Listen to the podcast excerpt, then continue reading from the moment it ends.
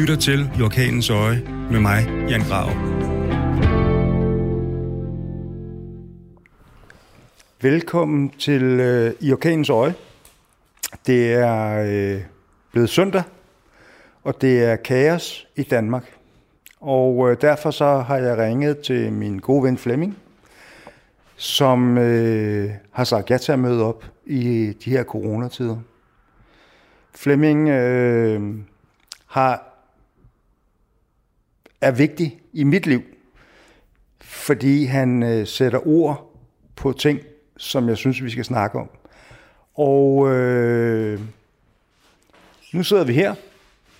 Der er Tom, min øh, manager, har ikke sat ind i pejsen. Det er jeg lidt sur over. Men velkommen, Flemming Møldrup. Tak, Jan, og tak for invitationen. Flemming, grunden til, at jeg har inviteret dig, det er, at øh, jeg synes, du har lavet måske de vigtigste updates hen over de sidste par dage i forhold til alt det, der sker i verden lige nu. Mm. Du har også pillet noget ned.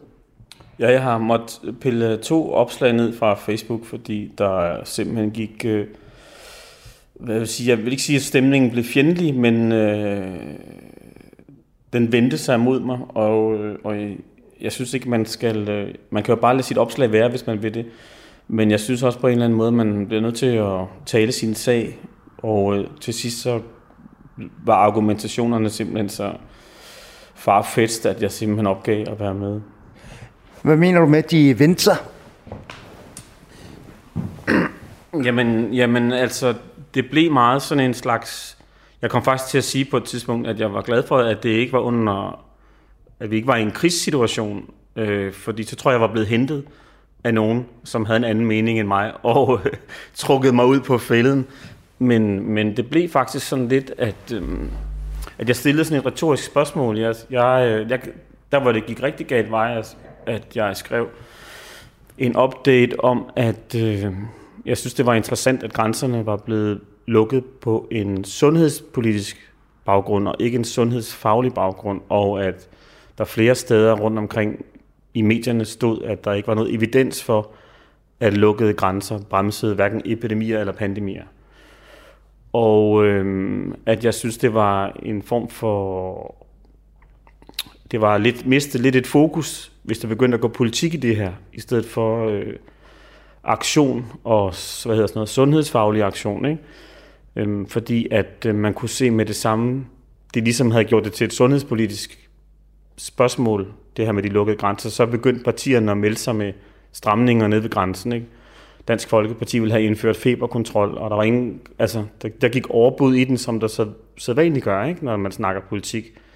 Og det synes jeg var lidt ærgerligt. Og så stillede jeg bare et retorisk spørgsmål, som handlede om, hvorfor må man lukke grænserne på et sundhedspolitisk baggrund, i stedet for en sundhedsfaglig. Og det var ligesom om, at det kunne folk slet ikke rumme, at man stillede spørgsmål til den måde, regeringen agerede på i de her tider, fordi jeg tror, at mange folk synes, at regeringen håndterer det her meget øh, godt og meget modent, og meget, altså, øh, de har taget lederskab og ejerskab af situationen. Ikke? Og det tror jeg ikke, man skal stille for mange spørgsmålstegn ved det, før man pludselig har stillet sig selv uden for fællesskabet. Hvorfor, øh, hvorfor sletter du noget? Altså, hvad skrev de til dig?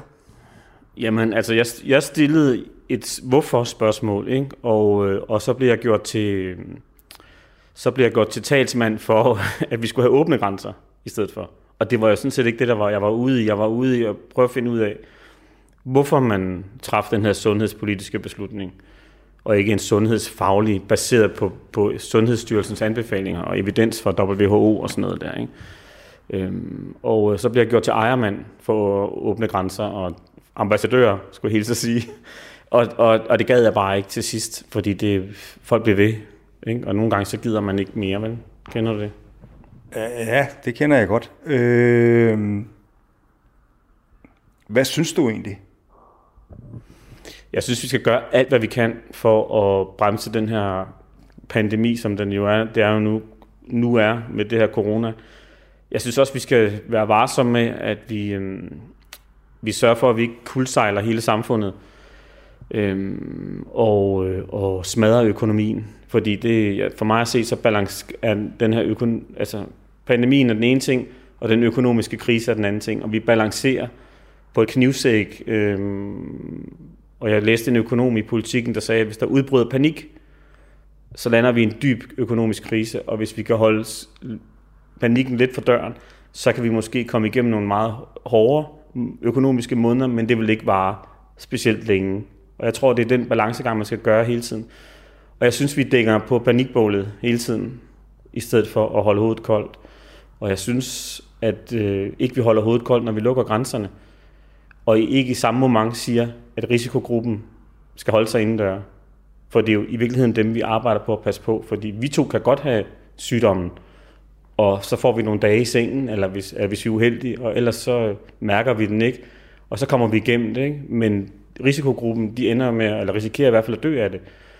Og når vi lukker grænsen, så gør vi det for at passe på dem. Men der er ikke nogen steder, hvor vi understreger, at de skal også passe på sig selv. Og øh, for, i fredags var jeg nede og skulle med metroen, og da jeg kørte hjem om eftermiddagen, der sad der ret mange pensionister, i, som er i risikogruppen, som har været inde på strøget og shoppe. Jeg kunne se, at de sad der med deres strøgposer. Og det undrer mig bare, at de ikke tager et lidt større ansvar, for eksempel, når, når vi bliver bedt om at tage ansvar på deres vegne. Så det er sådan lidt... Øh, jeg synes, at man skal virkelig balancere det der. Jeg synes, at øh, lukkede grænser er sikkert fint nok, hvis man kan få økonomien til at hænge sammen i det. Men, øh, men vi bliver også nødt til at bede risikogruppen om at passe på sig selv. Det bliver vi nødt til at understrege noget mere, synes jeg. Det her, det er jo et øh, meget, meget ærligt program. Ja. Og øh, det betyder også, at øh, det betyder også, at vi, vi kan jo snakke om alt ja. i det her program. Mm. Skal jeg være rigtig, rigtig ærlig over for dig? Det synes jeg. Okay, jeg, jeg er pistræt af det her corona allerede. Øh, det interesserer mig ikke skid. Øh, jeg, jeg er fuldstændig ligeglad, fordi jeg ligger jo og rejser de her steder i verden, som jeg jo gør, hvor vi snakker om en halv million mennesker, der bliver smittet med malaria. Vi snakker om 200.000 døde. Og ud af dem, så er 67 procent børn under 5. Jeg har sådan en følelse af lige nu, at øh, nu rammer det endelig os selv. Mm. Nu får vi den lige røven. Mm. Og øh, det tror jeg faktisk, jeg er meget glad for. Mm. Øh, vi får renset lidt ud. Vi får, øh, vi får fjernet... Øh, ej, ikke fjernet, det er et forkert ord. Vi, der sker det nu, at nu rammer det os selv. Mm. Og nu kan vi fandme lære det. Mm. Hvad tænker du? Jeg tænker, jeg har, altså først vil jeg sige, jeg har tænkt, jeg har tænkt meget på dig i de her seneste par dage, fordi jeg jo ved, at du har set lidt af hvert, og har set lidt af hvert i mange år, ikke? Og, øh, og på den måde øh, kan perspektivere tingene, som måske vi andre har lidt svært ved. Jeg kan huske, du lavede en opdatering med nogle tal, fra, øh, så var det, var det tuberkulose og malaria. Tuberkulose, som slår halvanden million mennesker ihjel om året, ikke? og hvad er vi oppe på på verdensplan med corona? 4-5.000, altså af hele verdens befolkning, hvoraf alle dem, stort set alle sammen, der døde, de er over 60, ikke? 65 i hvert fald. Så, så jeg synes også, jeg synes, du har ret i, at der, der, er noget, der er noget perspektivering i det her, og jeg synes også, at det, det er sundt for os på en eller anden måde at få, jeg synes, åh, man kan også sige det på en anden måde. Det, det er, det er, man kan, kan vi kalde det for et wake-up call, at få verdens problemer inden for øh, dørene for en gang skyld. Øhm, og det tror jeg, vi måske forhåbentlig kan lære meget af. Øh. Øh, jeg synes, du er meget diplomatisk. Nej, det tror jeg ikke, jeg er. Altså, jeg synes ikke, at det, jeg synes aldrig, det er sjovt, når nogen dør, og jeg synes heller ikke, det er sjovt, når børn dør, bukker under ude i den tredje verden, og der er bare det med, med, med, hvad skal man sige, den vestlige verden, og det er vores store problem, det er jo, at jo længere, pro, længere væk problemerne er, jo sværere har vi ved at forholde os til dem. Jo tættere på de er, jo, jo, jo stærkere reagerer vi på det. Og, øh, og det er jo blandt andet derfor, man bliver nødt til at udlåge øh, biler, når der er Danmarks indsamling, ikke? fordi det, det ligger så langt væk for os, så der bliver nødt til at være et eller andet, der kan tiltrække os vores, der, vores opmærksomhed og sørge for, at vi kan få punkten op af lommen. Men, øh, men jeg synes ikke, jeg, synes ikke jeg, jeg er diplomatisk. Jeg tror bare ikke, jeg deler din anskuelse i, at det, nu kan vi endelig øh, opdage det selv. For mig at se, så kommer den her virus fra et land, som er fucked up, øh, Kina, som jeg synes er et fucked up, en fucked up nation med et regime, der er fucked up, og med en befolkning, som, øh, som jo selvfølgelig er bliver holdt som gisler i det her, men på alle mulige måder også opfører sig helt sindssygt her i verden. Altså det der med, de driver rovdrift på næsehornene, fordi de stadigvæk mener, det der potens, øh, på næsehornspulver, det kan give dem stiv pik, ikke? Og de, øh, de, øh, de, de, de slagter havet, de spiser hajfinsuppe og alt muligt pis og lort, ikke? De massakrerer, og de massakrerer Afrika med alt muligt pis, med minedrift og rovdrift på alting. De driver rovdrift på alting, ikke? Den kommer derfra, og jeg synes, at... Øh, jeg synes, de fortjener den mere, end vi gør. Kan vi ikke sige det på den måde, tror jeg. Men jeg synes ikke, at vi fortjener den. Jeg synes ikke, at vi har gjort os fortjent til det. Jeg synes, jeg håber, at den, kom, at den perspektiverer verdens tilstand lidt for os. Flemming, det der, det er seriøst politisk ukorrekt. Altså, det må jeg bare sige til dig. Jeg ved godt, jeg sætter, landets, jeg sætter jo landets handelsaftaler over styr ved at sidde og disse Kina, men jeg, jeg har faktisk, jeg synes faktisk ikke Kina øh, sådan på det store bidrager, men med særlig meget positivt her i verden. Øh, jo, jeg ved godt, at de, de kan sørge for, at vi får en masse billigt tøj og alt muligt, men det er jo på bekostning af noget andet, ikke? Hele tiden. Det er hele tiden sådan, det, det fungerer, ikke? Jeg skal fortælle dig en øh, meget, meget smuk historie mm. fra Somalia, mm. som jo... Øh, de har historisk set aldrig nogensinde fisket. Det går de ikke op i. Når jeg er i Somalia, så mm. mandag, tirsdag, onsdag, torsdag, så spiser vi øh, spaghetti med hakket kamelkød. Og fredag, der spiser vi hummer. Mm. Øh, men på grund af pirateri, så er øh, alle de der store internationale trålere mm. blevet trukket ud af Denbugten. Mm. Ja. Og øh, derfor så er marinelivet mm. eksploderet. Mm. Så nu kan man fange hajer på selv meget, meget lavt vand. Mm. Og de her hajer, de bliver alle sammen solgt til Kina. Mm. Og det er præcis det, du siger. Mm. Det handler om, øh, jeg ved ikke, hvad fanden der sker med de her mænd. Mm. De, har, de har nogle potens problemer. Ja, det skulle man jo umiddelbart mene, men der er jo simpelthen så mange børn. I, de er jo kraftigt en milliard, altså de har jo ikke problemer med at få børn. Så øh, enten så virker det der lort, de går og stjæler, altså næsehåndspulver og hajfinderne, og gør dem super potente, eller også så er det bare ren og skær, jeg vælger at tro på, at det er ren og skær overtro, ikke? Men, de, men, det, men jeg tror, det du vil frem til er jo selvfølgelig, at de, altså, kineserne har snablet ned i mange ting her i verden, og de driver rovdrift på alle ting. Det gør vi jo også selv. Det gør vi. Det er rigtigt. Vi er ikke, altså, det er jo rigtigt, og vi, og vi det, der er sjovt, er jo, at øh, når den kinesiske ministerpræsident er i Danmark, så kan vi godt øh, gå på kompromis med vores øh, grundlov og ytringsfrihed og fjerne demonstranter med Tibet-flag. Ikke? Men når Jyllandsposten trykker en, øh, en tegning med et kinesisk flag fuld af virus, så, øh, så synes vi lige alligevel, det er lidt, det kan vi godt, det er lidt så langt, det er ambassadøren, den kinesiske ambassadør, der klager lidt, og så, så siger vi, at vi har lidt ytringsfrihed, så det kan vi godt forsvare lidt. Jeg synes, Kina har tvunget os ind i en... Øh, det har faktisk tvunget hele verden ind i et, i et ambivalent forhold til, til egne principper. Et dobbelt moralsk forhold til egne principper. Det bryder mig sådan set ikke om. Nu står vi så her.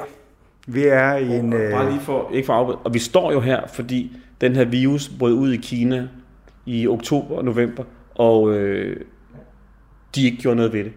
Eller de sagde det i hvert fald ikke til nogen. Og dem, der opdagede det, dem har man efterfølgende enten arresteret eller slået ihjel, eller forsvundet sporløst, øh, gemt af vejen i fangelejre, eller hvad fanden ved jeg. Det er derfor, vi står her. Fordi de ikke, øh, som sædvanligt i, i de her systemer, ikke øh, tør gå ud og øh, vise, at de også er sårbare systemer. Så derfor skjuler de en masse ting, og holder blandt andet sådan et udbrud her hemmeligt i alt for lang tid, i stedet for at slå ned på det. Øh, nu synes jeg sgu, du er... Jeg synes faktisk, du er for hård. Det kan ikke passe, du synes det. Jo. Øh, hvordan, altså, det er jo ikke deres skyld, at det bryder ud der. Den her sygdom kunne jo også være brudt ud i USA eller et eller andet andet sted. Jamen jeg tror, det er jo sådan en, er det ikke sådan et uh, virus, der kommer fra, jeg kan ikke huske, hvad man kalder det, men det kommer jo fra en flagermus, så vidt jeg husker, ikke? Og så springer det videre ned på et eller andet andet åndssvagt dyr. Og alle de der dyr, dem spiser kineserne jo i et væk som delikatesser. Så det er jo, øh, det er jo sådan, man får det. det er jo, og det er jo sikkert også den manglende, hvad kan man sige, hygiejne omkring øh, de der madmarkeder, hvor, hvor man siger, at det her det er opstået på. Så jeg synes et eller andet sted, at de har ansvaret. Jeg vil gerne placere ansvaret hos dem. Og øh, jeg så Jonathan Spang i det der, et af mine yndlings-tv-programmer, det der tæt på sandheden, hvor han sagde det. Det kan simpelthen ikke passe, at man i Kina kan lave et ansigtsgenkendelsesprogram til en milliard mennesker, som stort set ligner hinanden, og så ikke lave en fødevaresmiley-ordning, der virker. og det synes jeg egentlig er ret, øh, ret fint. Det er de forkerte ting, de fokuserer på derude, ikke? Nej, jeg synes, du jeg synes faktisk, du er for hård. Øh, hvad synes du så om det? Hvor, hvad... Jamen, jeg synes, at verden har meget, meget større problemer end det her. Mm. Øh, meget større mm. end da. Og øh, det vil jeg faktisk også gerne snakke med dig om. Ja. Fordi at øh, du har en religiøs baggrund, mm. som er Altså, min, jeg, jeg, er jo ikke religi, jeg, er jo, jeg er jo ikke religiøs, men jeg er jo blandet, af blandet blod. Øh, jeg kommer, min far kommer jo, min fars familie, og min far kommer fra Israel, og min mor kommer fra Aarhus, ikke? Ja. Og for mig er det meget mere interessant, fordi du lavede også et, øh, et opslag for nyligt, som handlede om antisemitisme. Ja. Øh, hvilket er, det ligger mig meget på sinde. Og det ligger mig i særdeleshed på sinde, fordi jeg skulle, øh, jeg er selv ekstremt blandet i det her. Mm. Jeg, jeg tror godt, jeg ved, hvorfor antisemitismen opstår dag. Mm. Jeg, jeg tror i virkeligheden, jeg har fundet øh, løsningen, eller i hvert fald forklaringen på det. Mm. Øh, men jeg kunne godt tænke mig at spørge dig om, hvorfor tror du, det opstår? Jeg tror, det ligger, det ligger, altså, det ligger latent i os alle sammen, det der med at, at øh, gribe fat i enten en religiøs gruppe eller en, en, en etnisk gruppe, og, øh, og så på en eller anden måde gøre dem til syndebukke for, for, for den måde, tingene spiller sig ud på i verden. Jeg synes, det har historien jo, altså det kan der skrives mange flere bøger om, end der kan skrives om noget som helst andet. Det her med øh, folkemord og udrensninger og religiøse mindretal, der bliver knust eller opslugt i andre samfund. Øh, så jeg tror, det ligger lidt i os som mennesker, desværre. Men øh, jeg tror, at antisemitismen jo har mm, stadigvæk har, på trods af alt det, der er sket, stadigvæk har gang på jorden, fordi at man har svært ved at adskille for eksempel Israels politik fra jøderne. Og for mig at se, så hænger de to ting sådan ikke, set ikke sammen. Øhm, og jeg, men det tror jeg, det gør for rigtig mange mennesker. Og især har der været en diskussion om, at det gør det på venstrefløjen. I særdeleshed, ikke, som er meget pro-Palæstina og palæstinenserne. Og derfor også på en eller anden måde sidestiller, ender med at sidestille Israel med jøder og det udgiver, kan komme til udtryk som antisemitisme. Og så tror jeg bare, at mange nationer rundt om i verden altså øh, har en lang historik med antisemitisme, og derfor ligger det latent i os. Og Danmark er jo et af de steder, hvor der også er rigtig meget antisemitisme, selvom vi ikke tror det. Men når, når man laver de her undersøgelser, så viser Danmark sig faktisk at ligge ret højt på listen. Ikke? Jeg tror, Frankrig ligger lidt højere end os, men ellers ligger vi ret højt. Hvor fanden kommer det fra? Mm. Altså, det, det må jo komme et sted fra. Jeg er jo øh, jeg er pro-palæstinensisk. Mm. Jeg tror på en tostatsløsning. Øh, jeg tror også på en israelsk stat. Øh, mm. Jeg synes også, at Israel har, øh, har gjort nogle ting som stat i forhold til øh, de besatte områder, mm. som jeg er ekstremt vred over. Mm. Og jeg kan også godt mærke, at den der vrede, den, den breder sig. Mm. Altså, ja. Virkelig? Ja, det kan jeg godt forstå, men for mig at se, at det er jo et politisk spørgsmål, det er et statsspørgsmål, og ikke et øh, religiøst spørgsmål. Det er ikke en, altså, øh, det er jo ikke jødernes skyld, at Israel forgriber sig på de besatte områder, hvis man kan sige det. Øh, det er jo, hvis det er noget, så er det i hvert fald israelernes skyld, øh, og ikke jøderne i Danmark for eksempel. Man kan ikke, jeg tror, man skal være virkelig varsom med at, at, at, at blande de to ting. For mig er det meget forskelligt. Jeg er også selv meget kritisk over for Israel, og i hvert fald for Israels politik. Øhm, og jeg er heller ikke sikker på, at jeg synes, at de... Øhm, eller det er jeg sikker på, at jeg ikke synes, at de, øh, at de gør det her på en ordentlig måde. Jeg synes faktisk også, når nu brugte jeg ordet forgriber sig for lidt siden.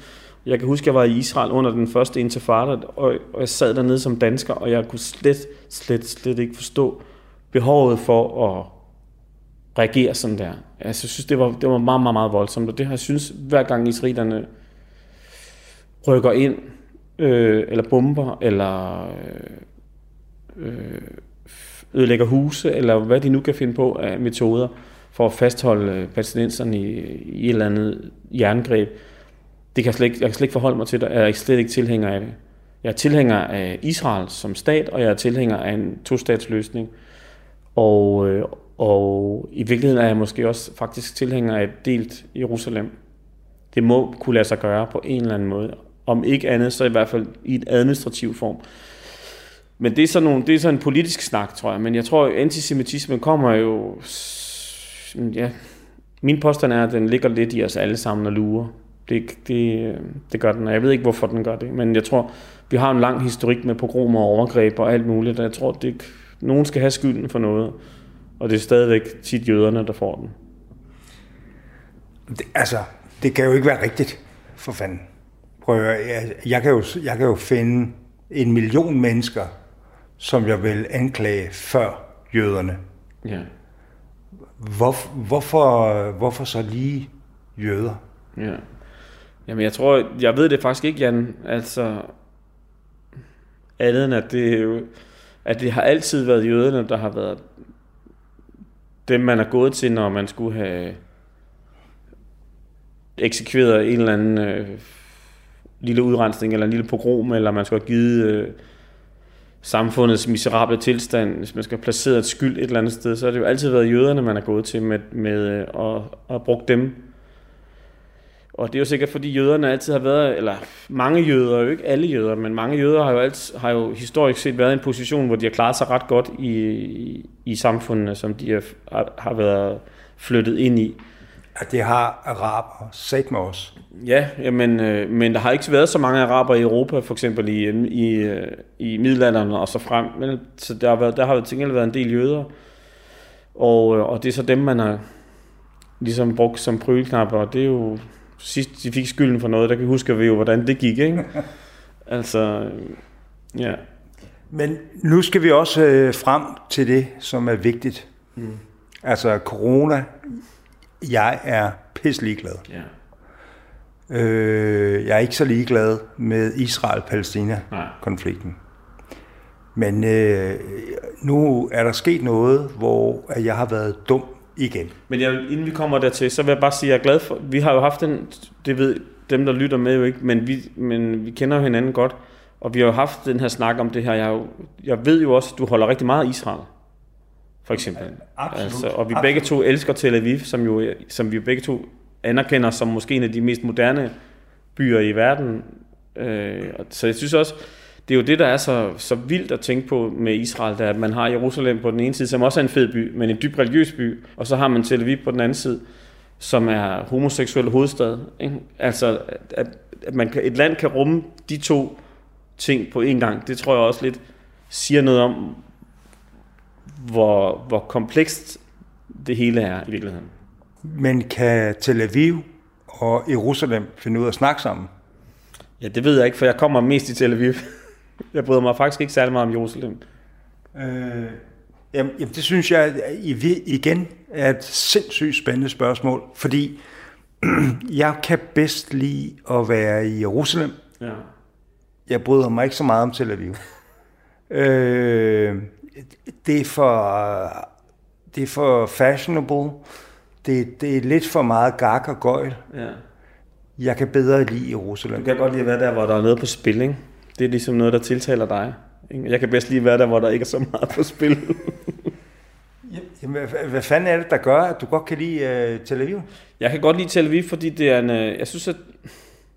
Ja, for det første synes jeg, det er en fed by, det er en moderne by, og den, og den ligger ned til vandet, og der er skide dejligt dernede og sådan noget. Men så synes jeg også, at det er interessant at have en stor by i et land, som øh, agerer, som det gør, hvor, øh, og, øh, og det, det ligger, de byer har man jo ikke sådan, måske har man lidt i Beirut, men ellers har man det jo ikke i det område der. Byer, hvor, hvor, hvor det der med, hvor alle, uanset hvad fanden de har af præferencer, med hensyn til seksualitet og køn og alt muligt, har en plads. Det synes jeg er sådan, sådan et moderne samfund, kan jeg godt lide. Og det synes jeg, at Tel Aviv er. Midt i det der sindssyge sted, som Mellemøsten også er, der ligger den der by. Ej, men altså, prøv nu, det her det bliver en exceptionelt lang samtale, fordi jeg er røvtræt af at høre om folks seksualitet. Jeg, jeg, jeg er seriøst, ja. jeg er fuldstændig ligeglad. Ja. ja, du er ligeglad at der er sindssygt mange der mennesker, der ikke er ligeglade. Både med øh, at tale om seksualitet, og om at have en seksualitet, og om hvilken slags seksualitet, der er plads, i, her, plads til her i verden. Den diskussion er jo simpelthen så glohed, ikke? Jo, ja, Ja, det er jo kan igen det der med, at du, jeg, dit perspektiv er jo markant anderledes end vores andres, fordi du alt, i mange år har set noget af, af det værste, som mennesket kan frembringe. Ikke? Så jeg forestiller mig på en eller anden måde, at en, du har et niveau, hvor, hvor ting rager dig en fjer, ikke? Til, din- indtil de når til et vist katastrofeniveau, eller indtil der sker et vist udbrud af et eller andet, eller nogen gør et eller andet alvorligt ved hinanden, så skærper dine sanser sig, og så må du ud og dokumentere det, og bringe det ud til hele verden. Og ja, forleden dag, der sad jeg, og så så jeg øh, på, på internettet, at der var en mand, eller en transkønnet, eller hvad fanden I kalder dem. Jeg er pisselig ligeglad. Øh, som var gået fra det ene til det andet køn. Og nu var han, hun, hen, hvad fanden I nu kalder det, blevet... Øh, hun var i hvert fald blevet kvinde. Mm. Og så havde hun dyrket noget sport, og så var hun sjovt nok stærkere mm. end kvinderne. Mm. Kom nu, for fanden. Mm. Slap nu af. Det her, det er for latterligt. Ja. Jo, jo, men det, det er jo, altså det, jeg, jeg, jeg ved, jeg, jeg går faktisk ikke så langt ind i den der kønssnak der, men jeg synes, at det er jo sjovt, når, øh, eller det er ikke sjovt, det er tragisk, når en, øh, en voldtægtsforbryder øh, skifter køn på papiret, og, og, vil lige, og vil ind og sidde i kvindefængsel, fordi han juridisk er blevet til en kvinde. det synes jeg eddermame. Altså, det er jo noget af det, som vores samfund kan, når det kommer til det absurde, ikke? Altså, jeg læste også om en, en ung dreng, tror jeg det var, som, eller, som havde skiftet køn. For det, måtte man, det kan man godt, hvis man er 16, ikke? kan man skifte køn. Sådan var det vist, tror jeg. Og så havde, Altså, jeg aner ikke en skid. nej, men så skiftede køn, og så senere, og så havde fortrudt. Og det er jo der, hvor man siger, når man, er der, er der, er der, skal der være plads til alt det i vores samfund, at vi giver børn som 16 år, jeg, stadigvæk, jeg synes stadigvæk 16-årige er børn, at vi giver 16-årige sådan en vigtig stemme, øh, og så opdager de, når de er 20, at den, den stemme, de havde, da de var 16, ikke er rigtig, og så skal de til at bakse med at komme tilbage i noget, som de har skiftet ud af. Jeg synes, det, det er meget kompliceret. Men det er måske i virkeligheden også der, vi står lige nu. Ikke? Vi står midt i corona. Vi står midt i øh, en kønsdiskussion. Ja. Vi står midt i øh, en Israel-Palæstina-konflikt. Vi står midt i Flygtningekrise. en flygtningekrise. Hvad, øh, hvad fylder mest i dit hjerte lige nu? Altså, er verdens problemer? Ja. Ja, det synes jeg nok, at øh, det tror jeg godt. Jeg er godt nok meget bekymret for, for Europas grænser. Det fylder, det fylder rigtig meget hos mig, at, at vi øh, at vi påkalder os den her humanitære status, vi, og, øh, og, øh, og så samtidig øh, ikke kan finde ud af at rumme nogle mennesker, som bare er på flugt fra en krig, som vi ikke kan finde ud af at få sluttet. Øh, eller på flugt fra klimaforandringer, som vi i høj grad har været med til at sætte i søen, eller på flugt fra fattigdom, øh, fordi vi har drevet rovdrift på nogle øh, områder, og ikke har givet at tage sig ordentligt af det, når vi er skrevet bagefter. Basically, groft sagt, ikke? Det, Nej, det er sgu ikke groft sagt. Ja, det, det, er bekym- meget, det er meget realistisk. Ja, det bekymrer mig ret meget, at vi ikke kan finde ud af det. Altså, vi er, om der så kom en million eller to millioner migranter fra Afrika, eller hvad fanden de kom fra, vi vil, hvis, hvis vi fik skubbet dem ind i vores samfund på en ordentlig måde, så ville vi overhovedet ikke kunne mærke det. Slet ikke. Altså, så altså, jeg kan ikke forstå det. Jeg siger ikke, at vi skal have pivåbne grænser, men vi bliver nødt til at forholde os til, at der står en masse mennesker lige nu på vores grænser, og, øh, og vi, vi skyder gummikugler efter dem, og vi, smider, vi beder dem om, vi tvinger dem til at tage deres tøj af, og vi kan skyde tårgas efter dem, og vi, jeg har ingen, ingen øh, forståelse for, hvad der overhovedet foregår dernede, men jeg synes, jeg skammer mig virkelig over det. Det gør jeg fandme. Og øh, jeg synes, mig, at det var ærgerligt, at den her coronakrise kom, fordi ellers så tror jeg, på et tidspunkt, så var, havde vi rejst os, og så havde vi stillet øh, politikerne til ansvar for det nu er det hele druknet i, øh, i stats, statsmanship, og hvad fanden ved jeg, og pressemøder hver anden time og alt muligt. Ikke? Og jeg, jeg kan ikke huske, hvornår jeg sidst har hørt om dem i avisen. De står der jo stadigvæk. Jeg, altså, jeg har jo sådan en, øh, jeg har jo sådan en, en, en teori om, at når tingene ser værst ud i en lokal situation, så er det der, du vasker dit undertøj. Ja. Og, øh, og lige nu, så lader vi jo folk drukne. Ja. Øh, og så er der så to gamle danskere, som er døde. Ja. Jeg havde en, I går så fik jeg en tanke, jeg fik en sindssyg tanke i går, det var, at grund til, at vi lukker vores grænser, det er fordi, vi ved, at om lidt, så bryder det græske værn sammen på grund af coronavirus. Og så kommer de her folk ind i Europa, og, og nu har vi en legitim grund til at vende dem om ned ved grænsen, fordi vi har lukket den på grund af sundhedsfare. Jeg tror, du, jeg tror, du har fuldstændig 100% ret. Ja, jeg ved det ikke. Det var bare en, en sindssyg tanke, jeg fik i går aftes, da jeg skulle sove. Det her med, at der, det er stor politik, det her på en eller anden måde. Måske er jeg bare blevet konspirationsteoretisk, jeg ved det ikke. Ja. Men jeg havde også en uh, tanke i nat, da jeg skulle sove. Mm. Den handlede om dig. Ja, altså rigtigt? For alvor. Nå, shit, Jan. Hvad tænkte du? Øh, jamen, det, det, den var faktisk lidt øh, seksuel. Nå, okay. Og det tænker jeg, det kommer vi ikke så langt med. Nej, det gør vi ikke. Men jeg er super fascineret af den måde, som du lever dit liv på. Er det rigtigt? Ja. ja. Jeg, jeg er fandme, jeg er både imponeret mm. og inspireret. Mm. Øh, du er lige blevet gift. Ja, sidste år. Nej, det passer ikke. Tidligere i år. okay, det får du ballade for det der. Ja, Nej, øh, hvad det så? Jeg blev sgu da gift sidste år. Jeg blev sgu da gift i 19, og vi er 20 nu. Men du og kan ikke selv huske det? Nej, jeg kan ikke huske det skid, men jeg er bare så lykkelig. Det er derfor, jeg er så, simpelthen så lykkelig for min kone. Du har været flyttet til Holbæk. Der det har jeg også selv boet. Ja. Vidunderlig by, faktisk. Super. Ja.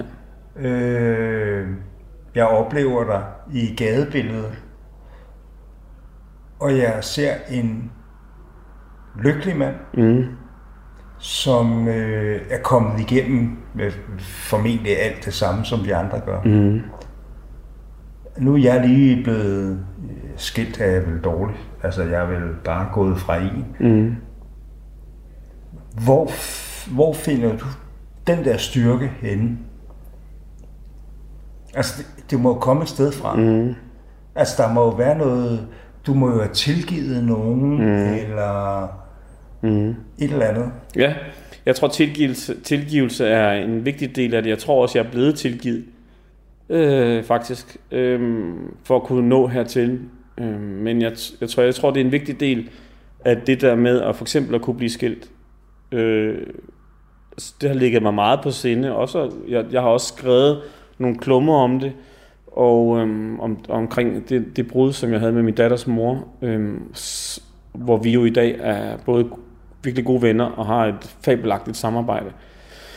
Øhm, hvor jeg tænker, at øh, noget af det, som er lykkedes for os, er evnen til at tilgive hinanden. Altså jeg var, det var faktisk hende, der træffede den endelige beslutning dengang, om at nu, nu var det slut. Og jeg kan huske, at jeg, rejste, jeg blev simpelthen så ked af det. Og det der, den der sorg, den udmyndte sig i et raseri.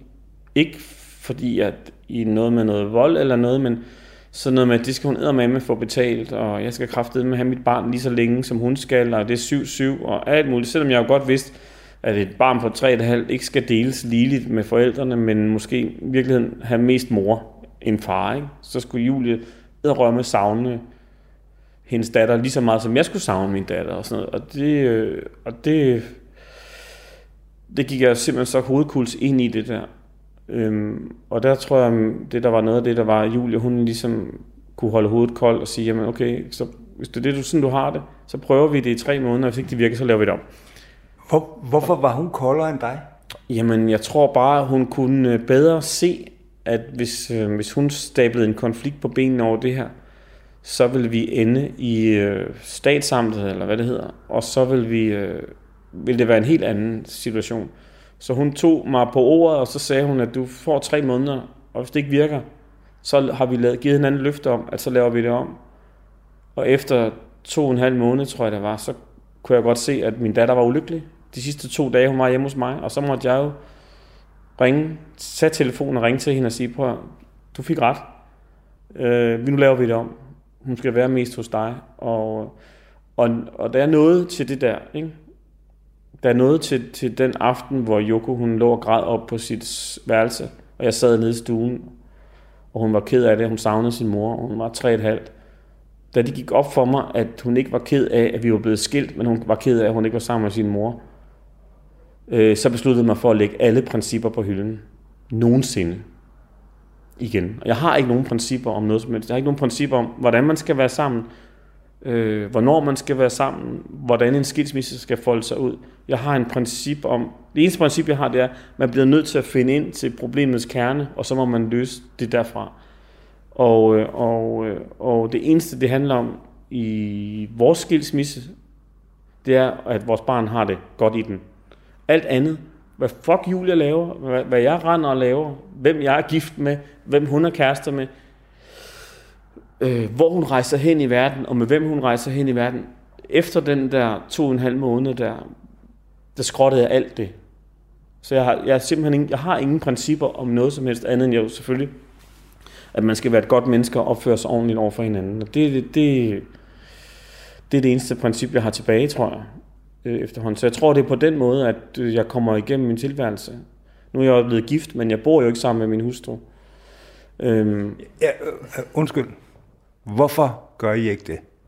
Jamen, det er fordi, at vi har besluttet os for, øh, i stedet for at prøve at løbe en, en sammenbragt familie sammen og løbe den i gang, og bruge alle vores kræfter på to øh, børn, som, øh, som er, den ene er på vej til at blive teenager, og den anden er teenager, øh, øh, så vil vi egentlig hellere bruge kræfterne på hinanden, øh, og, og, og, og så øh, bringe vores, vores øh, unger sammen i den her skæve familie, som vi også er, øh, og øh, lade dem være sammen på uforpligtende maner, og de elsker hinanden rigtig højt, og de kan finde ud af at være sammen. Det er dejligt, der er ikke nogen skænderier, fordi vi jo, vi jo ikke skal arbejde på at få masseret en familie sammen. Og vi skal nok flytte sammen på et tidspunkt. Ingen tvivl om det. Lige nu at vi bare øh, et sted, hvor at det, det, det var ikke det, der var vigtigt for os. Det, der var vigtigt for os, var at få, have det godt alle sammen. Men øh, nu har jeg jo mødt din kone. Mm. Hun er en meget, meget smuk kvinde. Ja, meget. Og også en vidunderligt menneske. Og du er knap så smuk. ja, det er, jeg er blegner i forhold til hende, men i forhold til dig er jeg jo virkelig smuk. det var så tavlet sagt.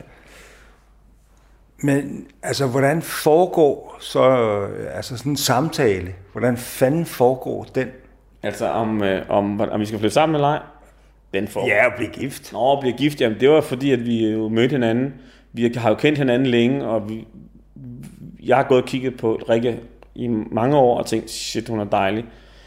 Øh, tænkt, ham der har hende, han må være virkelig heldig. Øh, men jeg har også syntes, hun var out of my league på en eller anden måde. Ikke? Det er hun så også. Ja, det indrømmer jeg blankt. Jeg er virkelig overscoret der. Men, øh, så jeg troede slet ikke, jeg havde en chance. Og, øh, og så viste det sig, at hun faktisk havde det på samme måde med mig. Og da vi så endelig fik fingrene i hinanden, så var det stor kærlighed ved første øh, øjeblik, og så var der ligesom om, at vi begge to efterhånden op i årene, ikke? så der er ikke så meget at tænke over, vel? Altså, øh, det var, det var bare med at få eksekveret det. Jeg vil gerne være sammen med Rikke resten af mit liv. Jeg tror, jeg tror simpelthen, at vi skal dedikere resten af det her radioprogram til Rikke. Det kan vi godt gøre. Øh, fordi jeg mødte hende jo forleden dag. Ja, Altså udover at hun er sindssygt dygtig. ja du er meget dygtig. Ja. Og et helt ekstremt øh, sødt menneske. Meget. Øh, og jeg er lige blevet skilt. Ja. Det er jeg ked af at høre, faktisk. Jamen, det skal du ikke være. Nå. Det er lige meget. Øh, så jeg synes faktisk, at vi skal dedikere det her program til din kone. Mm. Ja, fordi hun kan holde os begge to ud i, øh, i perioder, ikke? Jamen, ja, det synes jeg er en fantastisk ting. Øh, men jeg synes også, at øh, der ligger noget i kærlighed, som er meget, meget vigtigt. Det tror jeg, det er for dig, Det er det. og det er det også for mig. Mm. Og jeg er skide dårlig til det. Ja. Og jeg ved ikke, hvad det er, jeg søger. Nej. Øh, seriøst. Mm. Jeg, kan godt, jeg kan godt søge kærlighed, og så kan jeg blive lige så træt af den. Mm. Altså, hvor jeg bare hellere vil være alene. Jeg vil hellere mm. ligge og se FCK mm. spille, mm. og jeg vil se Champions League, mm. og jeg gider ikke have mm. kvinder omkring mig. Mm. Hvad med dig? Jamen, jeg er jo så, jeg er jo så privilegeret, at jeg tror jo, det, altså jeg har jo lidt det samme. Jeg, kan, jeg er enormt god til at være alene, og kan godt lide at være alene. Og nogle mænd er jo pissebange for at være alene. Det skræmmer dem fra vid og sans, ikke? Øhm, og sådan har jeg det ikke. Øhm, og ja, det betyder faktisk meget for mig, også at få lov til at være alene. Og nu har vi jo den her konstellation med, at vi bor hver for sig, så, så, øhm, så det er der masser af plads til, og tid til, og ikke mindst forståelse for. Så jeg får, jeg får kommer frit, fint og skulle jeg sige, veludvilet gennem de der perioder, hvor jeg har mest lyst til at se på, ligge på sofaen og se en film alene, eller se fodbold eller et eller andet. Så, og det synes jeg egentlig er dejligt, at der er plads til det. Øh, nu går jeg så igennem sådan en periode lige nu, du ved, hvor jeg er alene. Øh, så sker der også noget andet. Og det er, at øh, jeg kan mærke en omsorg over for andre mennesker. Altså mennesker, som ikke har nogen penge. Mm. Øh, mennesker, som øh, sidder i en anden tilstand. Altså, mm. jeg føler faktisk et menneskeligt skov, øh, overskud. Mm. Og så går jeg i gang med at lytte til gamle plader. Mm. Og det ved jeg ligger dig på sinde. Ja, for fanden, men jeg elsker plader, øh, vinyler og, og lytte til det. Og jeg har, jeg har jo sådan et lille roadshow faktisk med Carsten Holm, hvor vi spiller plader og snakker med mennesker, øh, som vi synes er, noget, er vigtige mennesker at snakke med om musik. Og jeg har altid drømt om at få dig med, så når du nu siger det her, så kunne det godt være, at jeg skulle vente med Carsten Holm. Altså, jeg vil godt have lov til at sige, at Carsten, øh, jeg er kæmpe, kæmpe fan af ham. Ja, han er også fed. Han er mega fed. Han er fed. Han er en af de bedste. Ikke? Jo, jo, Ja. ja. han er super, super Ja. dygtig. Men jeg tænker, det der med, det der med overskud, det skulle da interessant. Øh, hvor, hvor kommer det fra? Er det fordi, du ligesom øh, ikke skal hjem og bruge energi på noget derhjemme, eller hvordan? Ja, det tror jeg. Altså, øh, jeg, jeg lå i går aftes, så lyttede jeg til, øh, til den samme plade. Jeg tror måske 50 gange. Som var Talking Heads. Once in a Lifetime. Ja, For mig er det jo måske det fedeste nummer ja. nogensinde lavet Ja. i verdenshistorien. ja. Altså, jeg, jeg har, et af mine yndlingsnumre er faktisk også Talking Heads. Heads. Det, det er det nummer, der hedder This Must Be The Place. Ja, Øh, det er sikkert. eller Naive, eller hvad fanden det hedder rigtigt. Det kan jeg ikke huske. Men det er fandme godt. Det er pissegodt. Men jeg holder meget af det der med at stå i en situation, hvor man tænker, man har det perfekte liv. Mm. Du har det perfekte hus. Du har den perfekte kone. Mm. Og så smider du hele lortet op i Ja. luften. Maybe it's not the perfect house, eller hvad han synger? Maybe it's not the Måske er perfect det car. perfekt. Ja, præcis.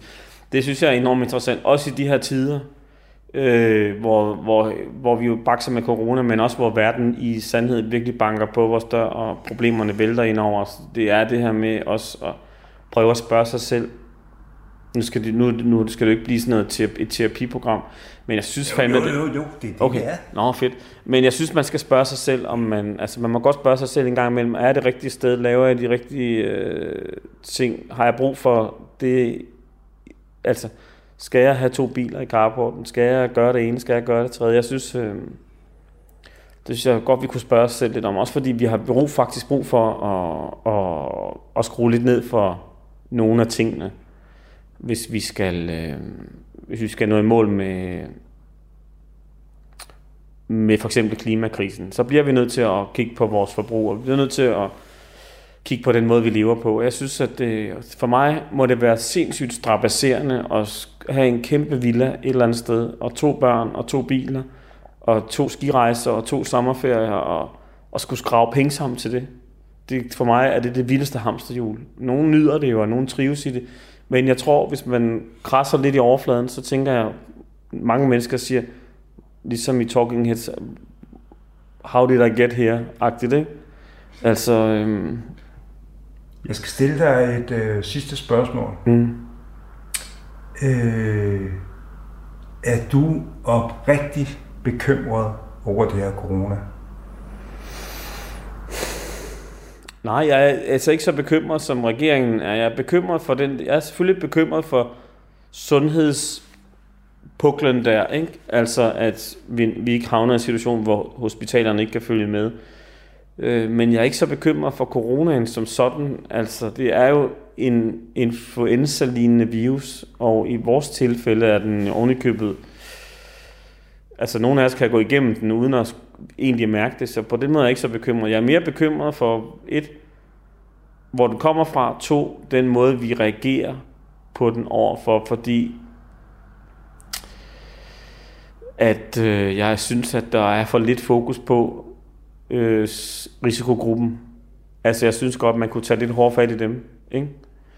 Fordi vi er i gang med en lockdown af, af, af væsentlig karakter, og den får store konsekvenser for os rent økonomisk.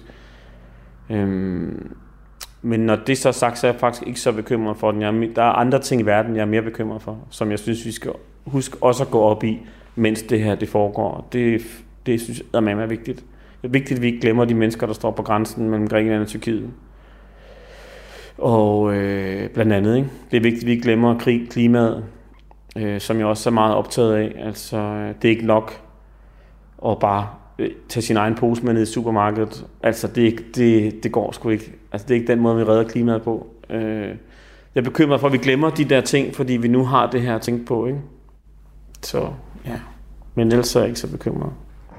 Flemming, øh, jeg skal spørge dig om noget. Mm. Øh, fordi øh, mit program har handlet meget om tilgivelse. Mm. Og du siger, at du er blevet tilgivet. Ja, ja altså, øh, der er jeg blevet tilgivet af min... Øh, jeg tror, jeg fik... Altså, min datters mor har tilgivet mig for at øh, være så bred, at jeg var lige ved at sætte vores brud og samarbejde over styr efterfølgende. Øh, det er helt sikkert, at hun tilgivet mig for. Jeg har også tilgivet hende for at gå fra mig.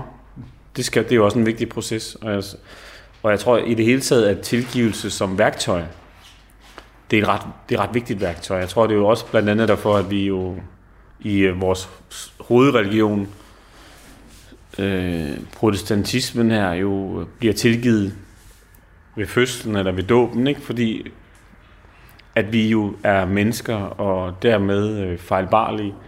Vi begår fejl hele tiden som mennesker, og jeg tror, hvis ikke vi enten kan tilgive os selv, evner at tilgive os selv for vores fejl, eller er sammen med mennesker, som evner at tilgive vores fejl, så er det problematisk, så bliver det problematisk, og vi får også et samfund, hvis vi ikke tilgiver hinanden på det større plan, på samfundsplan, hvis vi ikke evner at tilgive hinanden for hinandens fejl der, så får vi også et samfund, som ikke er til at holde ud at leve i.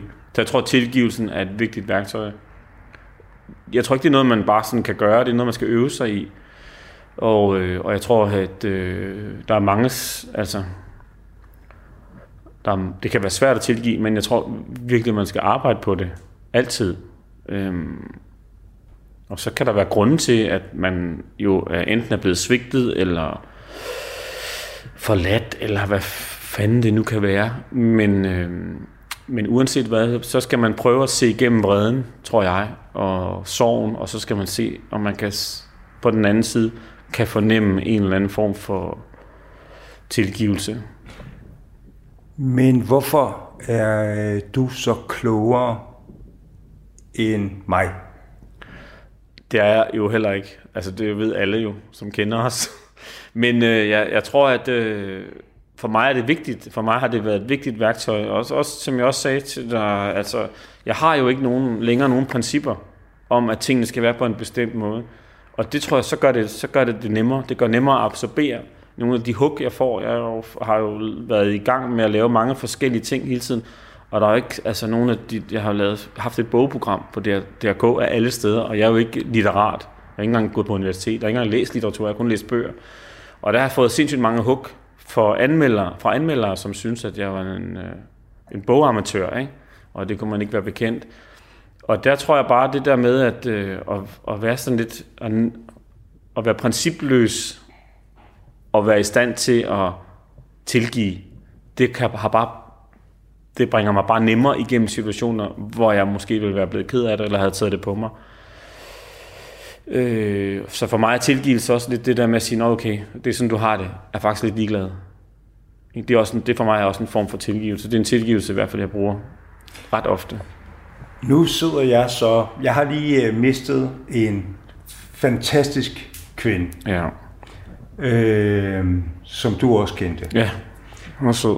Og øh, nu skal jeg videre. Ja. Hvad ville være dit råd til mig? Lige nu Nå. er jeg sådan lidt i tvivl. Ja. Jeg, jeg kan bedst lide bare ligge derhjemme og høre gamle plader. Mm-hmm. Det gør mig godt, mm. kan jeg mærke.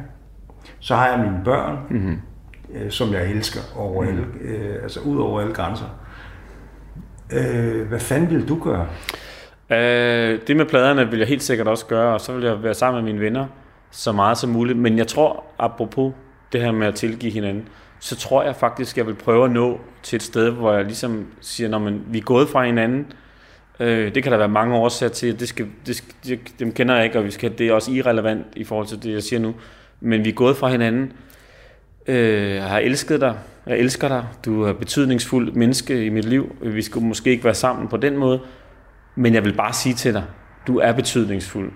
Øh, og jeg kommer til at tænke på dig rigtig mange gange fremadrettet, og jeg kommer til at savne dig rigtig mange gange fremadrettet, og jeg skal vil bare sige til dig, jeg er sindssygt glad for, at vi har mødt hinanden. Det vil jeg bruge som, øh, som øh, hvad skal man sige, trædesten til at komme videre. Ved netop at slutte fred med hele lortet, og så øh, tage den derfra. I min verden, ikke? Mm. Så, øh, så lyder det som et gøjlersvar. Jamen, det kan sgu også godt være, at det er et gøjlersvar, fordi man får jo normalt alt muligt andet at vide, når man snakker om den her slags ting. Der er jo mange, der også siger til mig, nu øh, øh, med Julie, der er min datters mor, som siger, hvordan kan du, hvordan kan I være så gode venner, nu er lige blevet gift med hinanden, og sådan noget. Så, altså, og hvis I er så gode venner, hvorfor er I så ikke sammen? Øh, jamen, det er vi ikke, fordi vi kan ikke, altså, vi kan ikke udstå hinanden i en parforholdsrelation. Men derfor kan vi jo godt være skide gode forældre sammen, og være skide gode venner ved siden af. Det er ikke en skid med hinanden at gøre.